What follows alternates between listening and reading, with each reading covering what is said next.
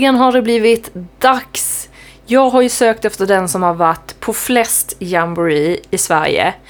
Och i det här avsnittet så ska vi inte på en jamboree-resa, vi ska inte på två. Inte tre, fyra, fem eller sex, utan vi ska på elva stycken jamboree. Antagligen är personen jag har hittat den som har varit på flest jamboree i Sverige. Vi ska plocka upp lite... Ah, alltså nu är det någonting som Låta här. Oh. Hallå! Um, det är Malin här. Um, jag har eh, hijackat podden lite grann från uh, Patricia. Uh, jag tänkte, har, eh, har ni haft förträff än? Andra förträff? Um, jag tänkte kolla lite hur det går för er med att planera era jamboree-utmaningar. Jag skulle vilja önska er ett jättestort lycka till med det. Oj, um, nu verkar Patricia komma tillbaka. Dags att dra. Ja. Den som har varit på flest jamboree är det alltså vi ska prata om och med. Och därför så säger jag välkommen till Jamboree-podden Bertil Tunje ifrån Dalsjöfors scoutkår. Ja, hejsan på er! Du, jag har ju liksom eftersökt den som har varit på flest jamboree i Sverige och jag har hittat dig. Hur många jamboree är det du har varit på? Jag har haft förmånen att vara på 11 stycken. Ass. Även om jag inte har varit så att säga deltagare kan vi säga på alla för jag har på ett par stycken av dem bara varit där som eh, ansvarig från eh, Världsscoutkommittén eller i en annan funktion så att säga. Deltagare har jag varit på eh, nio stycken. Men vet du någon som har varit på fler jamboree än dig ifrån Sverige? Nej, det känner jag inte till. Nej, så, så vad vi vet är alltså det här rekordhållaren, 11 stycken jamboree. Men du, ska vi ta det från början och gå igenom dem? Vart, vart började din jamboree-resa? Den började 1957 i England på den så kallade jubileumsjamborin. Då jag var deltagare. Jag var 16 eh, år och eh, hade förmånen att få vara med där. Det var en fantastisk upplevelse. Men, eh, att, jag tänker att det är jättelänge sedan, ursäkta, men, men, men kommer du ihåg så mycket från lägret? Ja, vi var 50 000 deltagare så att nej, jag kan säga att det, det finns två saker jag kommer ihåg. Och det ena var faktiskt inte från lägret utan det var den så kallade Home Hospitality. Alltså det var ju alltid så förr att på alla, vid alla jamborier när vi reste utomlands från Sverige så eh, fick man också möjlighet att bo i familj. Och det var en fantastisk upplevelse i, i England. Jag, eh, av många olika skäl, ett bland annat eh, det, det var första gången i mitt liv som jag åt mutton chop. Och det var också sista gången det kan jag säga. För eh, det, den uh, ullsmak som jag fick där den uh, gjorde att jag har haft väldigt svårt för att äta åtminstone får. Lamm går ju lite bättre. Men den största upplevelsen egentligen var att jag har aldrig varit med om och kommer aldrig och troligen naturligtvis heller få vara med om ett sånt åskväder som vi hade där. Det, vi hade eh, åska i över 12 timmar i ett streck med bara blixtar och eh, eh, regn hela tiden. Ett otroligt skådespel och det är väl det som sitter eh, djupast fast hos mig. Själva programmet, vad vi gjorde sånt. Jag ska vara ärlig så jag kommer inte ihåg någonting av det naturligtvis. Det är alldeles för länge sedan. Men jag tänker, du, du är 16 år gammal, du är i England, alltså visst har du ju dina patrullkompisar och sådär, men, men på ett sätt är du liksom helt själv i ett främmande land och så åskar och blixtrade i, i 12 timmar. Kommer du ihåg om du var, var du rädd eller kändes det bara häftigt eller vad var din känsla? Ja, det var bara häftigt. Alltså, rädd blir man inte om man är scoutkompisar som vi var. Vi var ett, en patrull här från Boråstrakten och eh, jag menar, vi höll ihop och beundrade detta, tittade på vad som skedde hela tiden. Så någon direkt rädsla kände jag aldrig utan det var, det var bara ett mäktigt skådespel som jag aldrig trodde att jag skulle få uppleva och jag heller aldrig har fått upplevt senare naturligtvis. Alltså det är många olika erfarenheter och upplevelser man plockar med sig på Jamboree. En del är mer väntade och andra eh, kanske mindre väntade. Men du, efter det här Jamboreet i England, vad var nästa Jamboree-utflykt? Ja, för mig blev det då 1963 då vi var på, låg på Maratonslätten i Grekland. Jag var vice avdelningsledare i en eh, avdelning uppifrån Dalarna. Eh, och eh, det som där var den speciella upplevelsen kan man säga på lägret, det var ju värmen. Alltså jag hade, vi hade aldrig varit utomlands på det sättet nere i, i runt Medelhavet, mina föräldrar och jag på någon resa. Så att jag var inte van vid den, den eh, kraftiga värmen som var där. Det var eh, sådär så att man, jag upplevde i alla fall att det var ganska besvärligt. Och det, jag kan inte minnas att eh, eh den svenska kontingenten var sådär jätteförberedd på att det var så varmt som det faktiskt var. Däremot resan dit var ju enorm. Vi åkte tåg hela vägen och färja från Brindisi i Italien över till, till eh, Peloponnesos och eh, sen en nattlig bussresa på Peloponnesos som var något av det värsta jag varit med om i hela mitt liv. Eh, som de körde den natten för att köra oss till, till Maratonslätten och släppa av oss där för lägret. Men eh, det, man lärde sig av det också. Det tror jag verkligen. Men du, jag vill backa tillbaks till att det var så varmt i Grekland och att, att du kanske blev lite chockad där. Hur hanterade du värmen? Kommer du ihåg det? Kom ni på några knep för att hålla kylan eller var det bara att härda ut? Nej, jag, jag, jag, har inget, inget minne av att vi gjorde något mer än att vi, vi försökte hålla oss i skuggan så mycket det gick.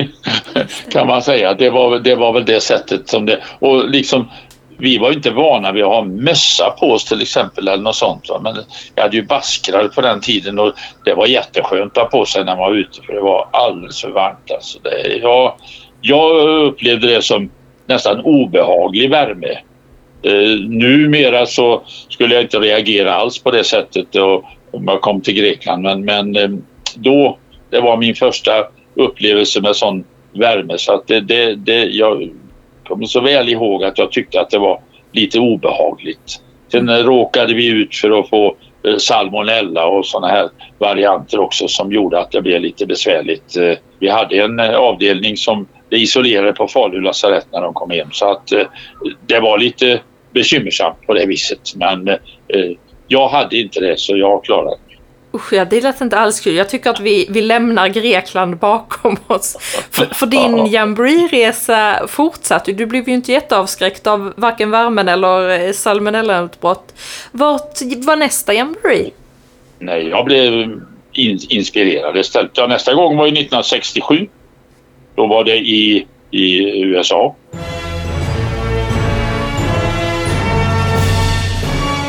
Och eh, eh, det var det var samma sak där. Det var värme. Alltså i Idaho vid, på sommaren vid den tiden var det en oerhört hög värme och det som eh, det hade vi förberett väl i, i jamboreeledning och sådant så att eh, där var ju en av de viktiga grejerna att eh, alla skulle äta salttabletter för att motverka det, det problem som kan uppstå när man har för hög värme och inte, eh, inte äter tillräckligt med, med salt till exempel. Och då hade jag i min avdelning en eh, scout som eh, av någon anledning, ja det kan man i och för sig inte vara så konstigt, tyckte att eh, salttabletterna smakade illa. Så han eh, struntade i att äta dem och det var ingenting som jag kontrollerade för jag utgick från att alla följde instruktionerna. Men en dag när vi var ute på en utflykt så plötsligt i bussen så föll han ihop och började krampa eh, tuggade liksom fradga och så. Och jag blev helt ställd under vad, vad har hänt? Och eh, vi stannade bussen och eh, rekvirerade ambulans och sådär. Och så småningom så kom de och då visade det sig att ja, han hade alltså inte ätit sina salttabletter som var ordinerade och det var det som gjorde att han fick så kallad heath cramp.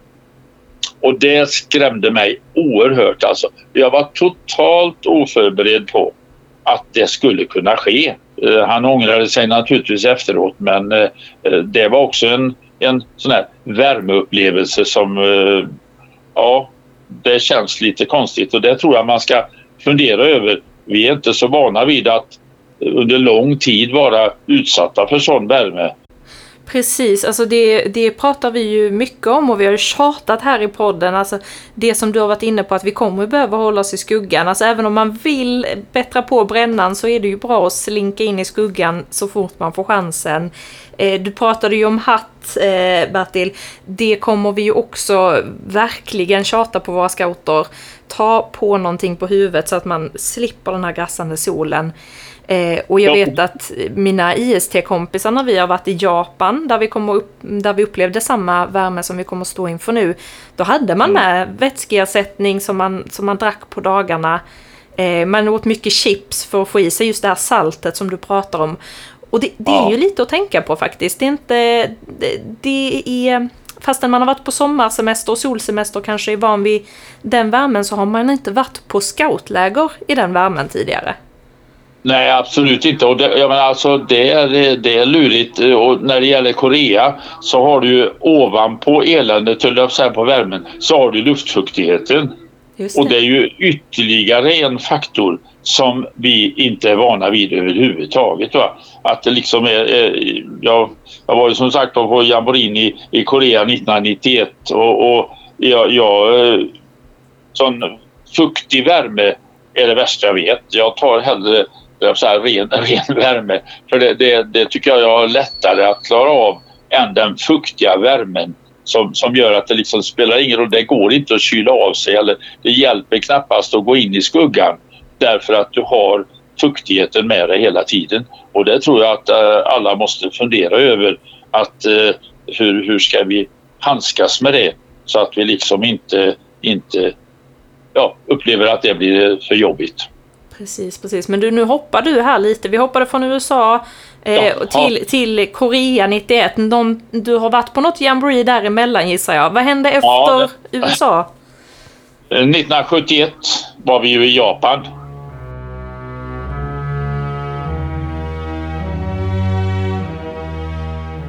Och eh, det var väl en av dem, vi var ju inte många, vi var inte mer än 120 stycken från Sverige som var med då.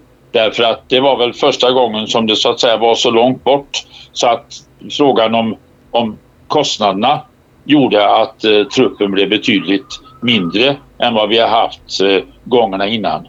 Och det som drabbade oss 1971 då vi låg vid, vid Mount Fujis eh, fot var ju att eh, hela lägret dränktes av ett sånt ösregn så att alla 9000 på lägret fick eh, flytta därifrån.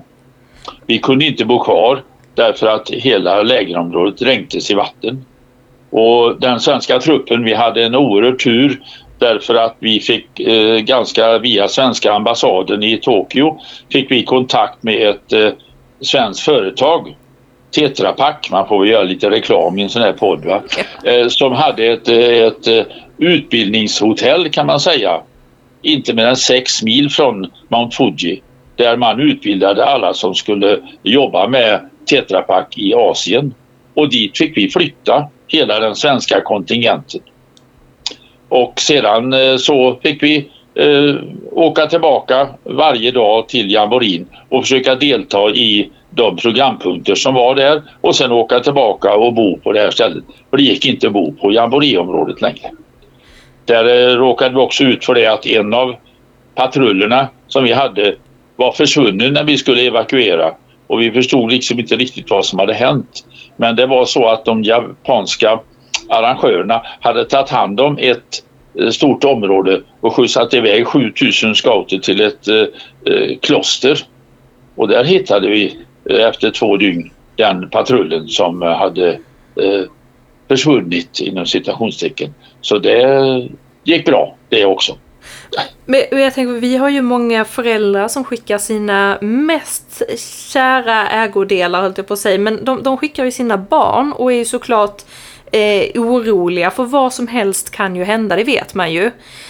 Men Bertil, skulle du säga att, att man som ett barn på en jamboree, eh, på, om det händer någonting så här, kan man vara trygg? Löser scouterna allt? Var det den upplevelsen du fick efter regnovädret i Japan? Bergsäker, bergsäker på det. Alltså det, det har jag, jag har aldrig tvivlat på det. Att det skulle vara någon risk att eh, man skulle råka riktigt illa ut så att säga. Att man råkar ut för saker som man inte har varit med om förut.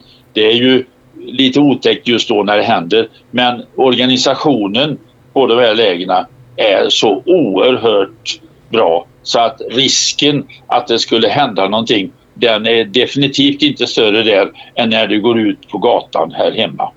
Nej. Ja, vad skönt att höra. Jag tror att det är många föräldrar som sänkte axlarna lite här nu. De åkte först upp när du pratade om översvämning och borttappade grupper. Men nu, nu trillar de ner igen där de ska vara. Det är jag säker på. Men du, efter Japan, vart reser vi då i världen? Då reste vi inte så långt. Då reste vi bara till Norge 1975.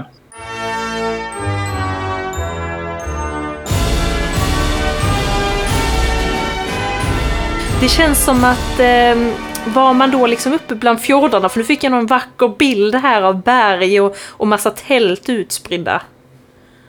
Ja, eh, nej, jag kan inte säga det att vi såg så mycket eh, berg. Det blir ju så att eh, ska man ha plats med tillräckligt många scouter så, så blir det ju ändå väldigt mycket fält och sånt. Men eh, alltså eh, den eh, norska jamborin var väldigt, väldigt välorganiserad.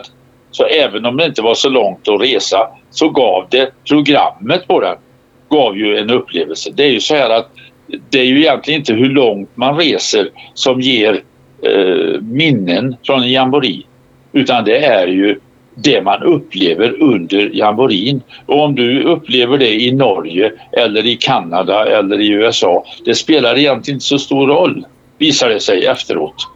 Utan det är ju alla kompisar som du har med dig från ditt eget land men framförallt alla du träffar från andra länder. Du träffar ju lika många i Norge eh, från andra länder som du gör om du åker till England eller till Kanada. Har du blivit uppköpt som promotor lite... för Polen? För det, för det är ju så man tänker med Polen att så här, och det är ju lite för nära, det är ju inte ett spektakel att åka på det. Men nu säljer du ju in det ordentligt. Det är en total missuppfattning om man, om man tänker så. Alltså det är, jag, jag, jag, säger det, jag är så besviken att det inte blev Polen i år om jag nu får säga så. Därför att det var ganska länge sedan som det var i, i Europa ändå. Och, och det, det var lite tråkigt tror jag att det inte det blev i, i Europa. Men jag menar alltså upplevelsen av en jambori är inte var du är någonstans utan vad du gör och vilka du träffar. Det är ju det som är grejen med att åka på en jambori. Att träffa människor från hela världen. Och, och sen om du är i Polen eller i Korea, ja, eh, skillnaden är väl den att det kanske låter lite bättre när du pratar med dina kompisar och kommer hem att ja, jag har varit i Korea eh, än att jag har varit i Polen. Men egentligen är upplevelsen för dig själv exakt densamma. Det är upp till dig själv att kontakta de kompisar, scoutkompisar från hela världen som finns där och göra det till din upplevelse. Det är nästan så jag skickar in min anmälan till, till nästa jamboree nu på en gång här. Men du, jag är ja, också lite nyfiken på, för du sa att eh, läget i, i Norge där var så väl gjort, eller så. Kan du ge något exempel på eh, varför du tyckte det? Nej, jag, jag, alltså, jag tror egentligen att det innerst inne var så att det var bara för att det var så, så pass likt det vi, det vi är vana vid. Alltså det, kände, det var ingenting som var konstigt när man kom dit och därför tyckte man att allting fungerade bra. Sen att norrmän har lite lustigheter för sig när det gäller mat och sånt där. Du vet att de, de äter ju aldrig middag mitt på dagen och sånt som vi gör och så där. Så att det är lite, men, men eh, alltså det, det, jag tror att det var det som gjorde att åtminstone jag som då var kontingentledare tyckte att det fungerade så bra. Det var för att det var så pass likt som det var hemma när det gällde organisationen och säkerhet och allting sånt. Va? Men som sagt då, det var inte det som var grejen för deltagarna. Eh, det var det för mig kanske som kontingentledare men för deltagarna så var det ju detta. Träffa kompisar från hela världen. Om du träffar de här australierna i Norge eller gör det i Kanada. Vad är det för skillnad? Nej, det har du faktiskt rätt i. Men du, efter Norge då, vart, vart Vart bär det hän? Ja, sen blev det ju så att 1979 blev det ju inget. Därför att då skulle jamborin varit i, i Iran.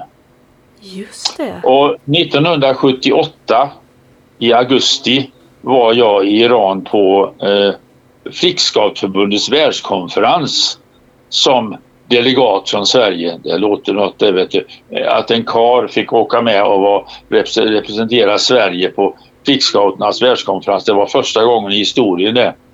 Och det, det, anledningen till att jag var med där var att jag skulle åka och titta på det här lägerområdet som eh, Jamborin skulle vara 1979. Därför jag var tänkt att jag skulle vara kontingentledare där också. Men det var ju så att den veckan vi var 1978 då på hösten i Iran så bröt revolutionen ut. Och man slängde ut sjön. Och vi blev inlåsta en vecka på ett universitet i Teheran innan man eh, kunde se till att vi kom ut ur landet. Så det blev ingenting med någon jamboree 1979. Utan nästa gång blev 1983 i Kanada istället. Men hur kändes det? För jag har hört om det här scoutläget i Iran förut och som jag förstår det så var många väldigt taggade på det här lägret och man hade väldigt stora förhoppningar och förväntningar på det. Är det här någonting som du känner igen eller hur var dina tankar? Ja, ja, därför att det var ju ett område, ett land, ett område som för de flesta av oss var väldigt okänt. Många av oss kände till någonting om, om Iran 1979. Alltså det var, det var ju... Uh, ja, nej, ja, det var, det var okänt om man säger så. Så det är klart att vi såg fram emot att uh, få möjlighet att åka dit. Men, men sen blev det Kanada istället nästa gång när det väl blev. Jajamensan. Mm. Och då var det ju första gången som vi hade flickor med oss. Kommer du ihåg det? Det, det... det, det, det är nämligen så att jamborier var ju bara för medlemmar i WOSM. Just det. Och alla flickscouter i Sverige har alltid varit medlemmar i WAGS. Just det. Alltså Världsflickscoutorganisationen. Och eh, vi hade länge från svensk sida arbetat för att våra flickor, trots att de var medlemmar i WAGS, skulle få vara med på Jamboree därför att vi i Sverige ju var pojkar och flickor tillsammans. Även om vi råkade anmäla eller så att säga ansåg att vi skulle eh, vara tvungna att anmäla pojkarna i WOSM och vi ville anmäla flickorna i WAGS därför att vi ville stötta flickscoutorganisationen som ju var betydligt ja, om man säger så inom citationstecken svagare, alltså med färre medlemmar och mindre ekonomiska muskler än vad WOSM hade. Och det var därför som vi bestämde oss för att Friscouterna skulle vara medlemmar i WAGS. Men då tyckte vi att de skulle kunna få vara med och 1983 så fick vi eh, dispens kan man säga för att de eh, scoutorganisationer i världen där pojkar och flickor eh, var tillsammans hemma även om de råkade tillhöra olika världsorganisationer. De skulle få möjlighet att vara med på eh, Jamboree. Men, men, jag är så, så nyfiken så nu. Hur, hur var den upplevelsen? Skilde sig upplevelsen från när det bara hade varit killar eller hakade tjejerna på och det var, det var ingen grej eller hur, hur, hur var det? Nej, ja, det, det, det var inget, inget problem för tjejerna men det var problem för många killar från andra länder som aldrig hade varit på ett läger samtidigt som flickor var där. Så kan man väl uttrycka det. Men du Bertil, eh, vi var i Kanada, eller hur nu här?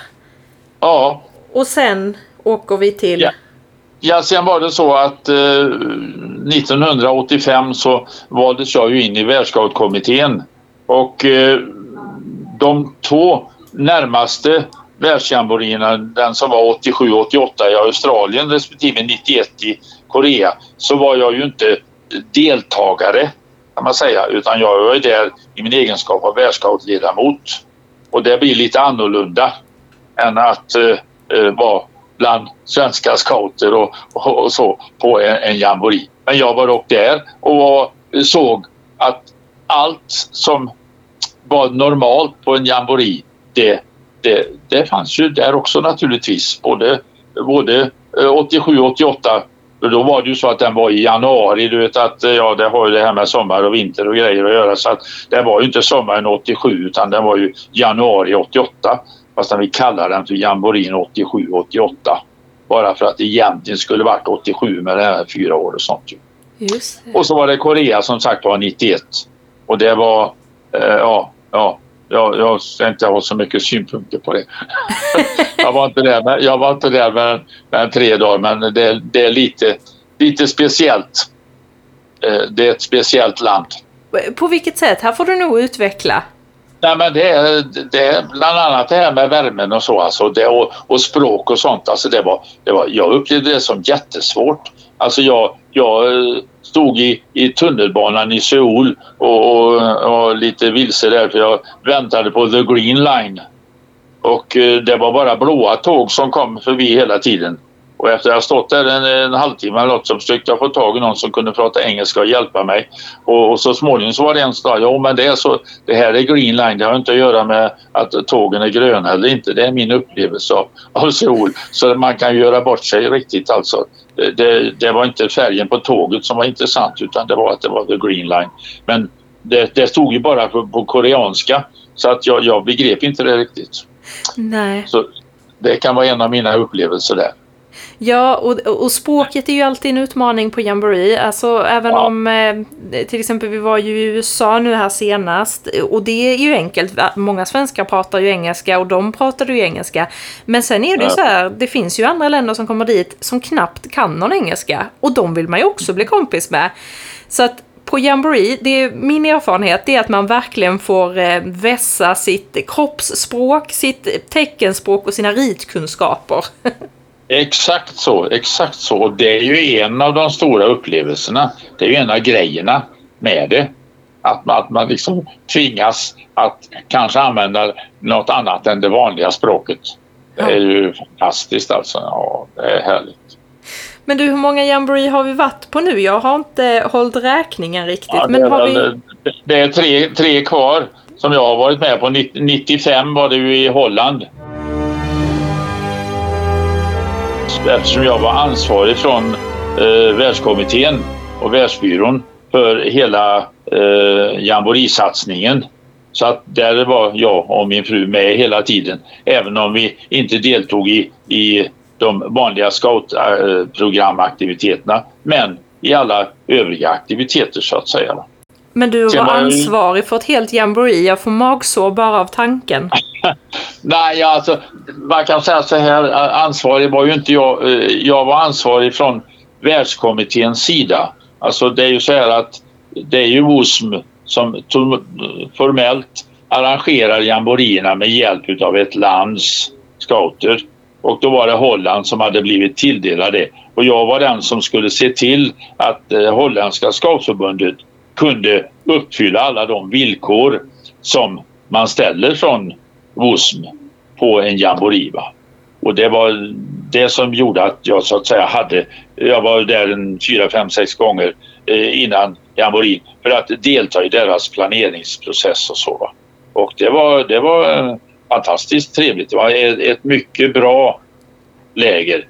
Det var ju lite mer likt, alltså allting var ju likt vad vi är vana vid när det gäller väder och ja, allting sånt. Holland det är ju inget, inget konstigt för oss att säga utan det är ju, är ju väldigt likt det vi eh, är vana vid här så att säga. Så att det, var, det, var, det var ett trevligt läger det också. Mycket bra. Och efter Holland så åkte vi till? Ja, sen, sen blev det ju så att, att eh, eh, inte förrän 2007 fick jag chans igen att vara med och då var jag IST som det så vackert heter. Alltså var funktionär och special guest på den jamborin i, i England.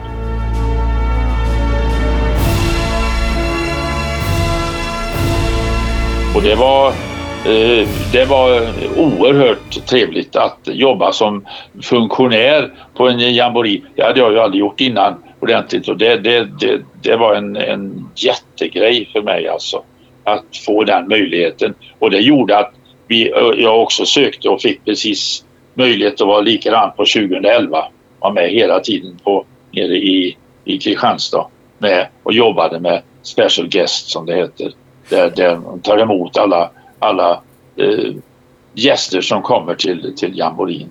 Men du Bertil, ja. jag är så nyfiken på, för du börjar ju hela din jamboree-resa i England, eller hur? Eller har jag blandat ihop länderna ja, nu? Ja, det stämmer, det stämmer bra. Mm. Hur var det då att komma tillbaks på ett jamboree så många år senare i samma land?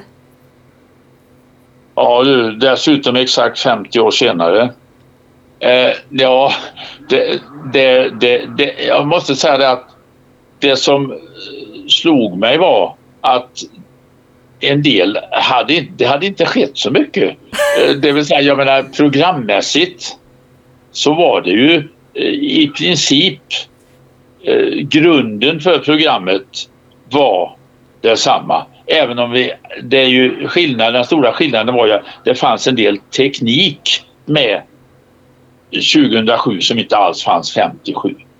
Jag menar alltså det, datorer och grejer och sånt, du vet, det fanns ju inte 57. Så att, att eh, sådana programpunkter, det var egentligen det nya 57. Men det som är huvudsaken med en jambori, att träffa andra scouter från andra delar av världen. Den idén, den är exakt densamma, eller var exakt densamma 50 år senare. Just det. Och det är ju det är fint för eh, vi som var i USA. Vi fick ju armband med en liten eh, klocka eller vad man ska säga. Det var en liten plastplupp man kunde trycka. Och höll man då sin plastplupp intryckt bredvid en annans, då var det som att man bytte digitalt visitkort. Och där såg man ju verkligen hur scouterna har tagit den här tekniken och varit tänkt här, hur kan vi eh, göra det ännu enklare för scouter världen över att träffa varandra? Eh, med den här tekniken och så bara tog man fram det här superarmbandet. Ja, det låter oerhört spännande tycker jag alltså. Men eh, fortfarande höll man väl ändå på och bytte märken hoppas jag. Ja du, det, det slutar vi nog aldrig med. det är en sån grej som vi gör om hundra år till när man åker på Jamboree. Då kommer det nog fortfarande ligga filtar längs grusgångarna med massa märken på. Och det var en bra övergång till lägret i Sverige, tänker jag. För det, för det är dit vi är på väg sen. För när jag har varit på Jamboree i efterhand så har jag fått väldigt många frågor från scouter runt om i världen om jag har märken från den svenska jamboreen. Alltså det verkar vara någonting som man vill samla på sig. Eh, ett superläger, får man kalla det det? Ja, det, det är möjligt. Ja, ja, ja, det är ju intressant att, att just eh, märken från, från vår eh, jamboree skulle vara så eftertraktade. Det var väl intelligent nog att se till att man inte tryckte upp med fler än, än att göra dem intressanta. Just det. Alltså, det är ju så vet du, att, att du kan ju svämma över marknaden av märken om du vill. Och då blir de inte intressanta längre. Nej. Men, men är, det, är det så att, att det inte trycktes upp mer än x tusen utöver de som delas ut till deltagarna, då blir de ju intressanta. Just det. Och det var ju väldigt snygga märken också. Det får vi ge den som hade designat dem. My mycket, mycket bra. Mycket bra var det. Ja, det, var, ja, det gjorde vi bra, om vi får säga vi.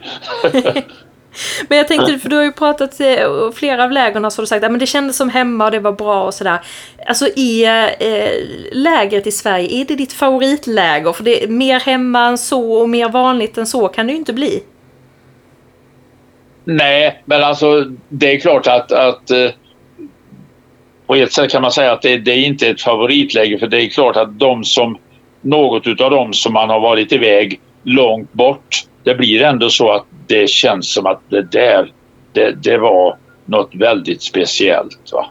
Men, men visst, jag, jag, tycker att man som svensk scout ska vara oerhört stolt över det vi presterade 2011. Mm. Och det ska man komma ihåg att det är inte många som hade, eh, det är inte många som slår vårt läge. Nu hade vi tur på många sätt med väder och allting och sådär men alltså programmässigt och organisatoriskt var det oerhört bra. Och det, det tycker jag vi ska vara stolta över. Men du eh, Bertil, har vi ett sista jamboree kvar eller har jag räknat fel? Nej, det, det var, sista var 2011. Det var 2011, så inte Ja, Japan och inte... Det, när jag började åka på Jamboree, då slutade du.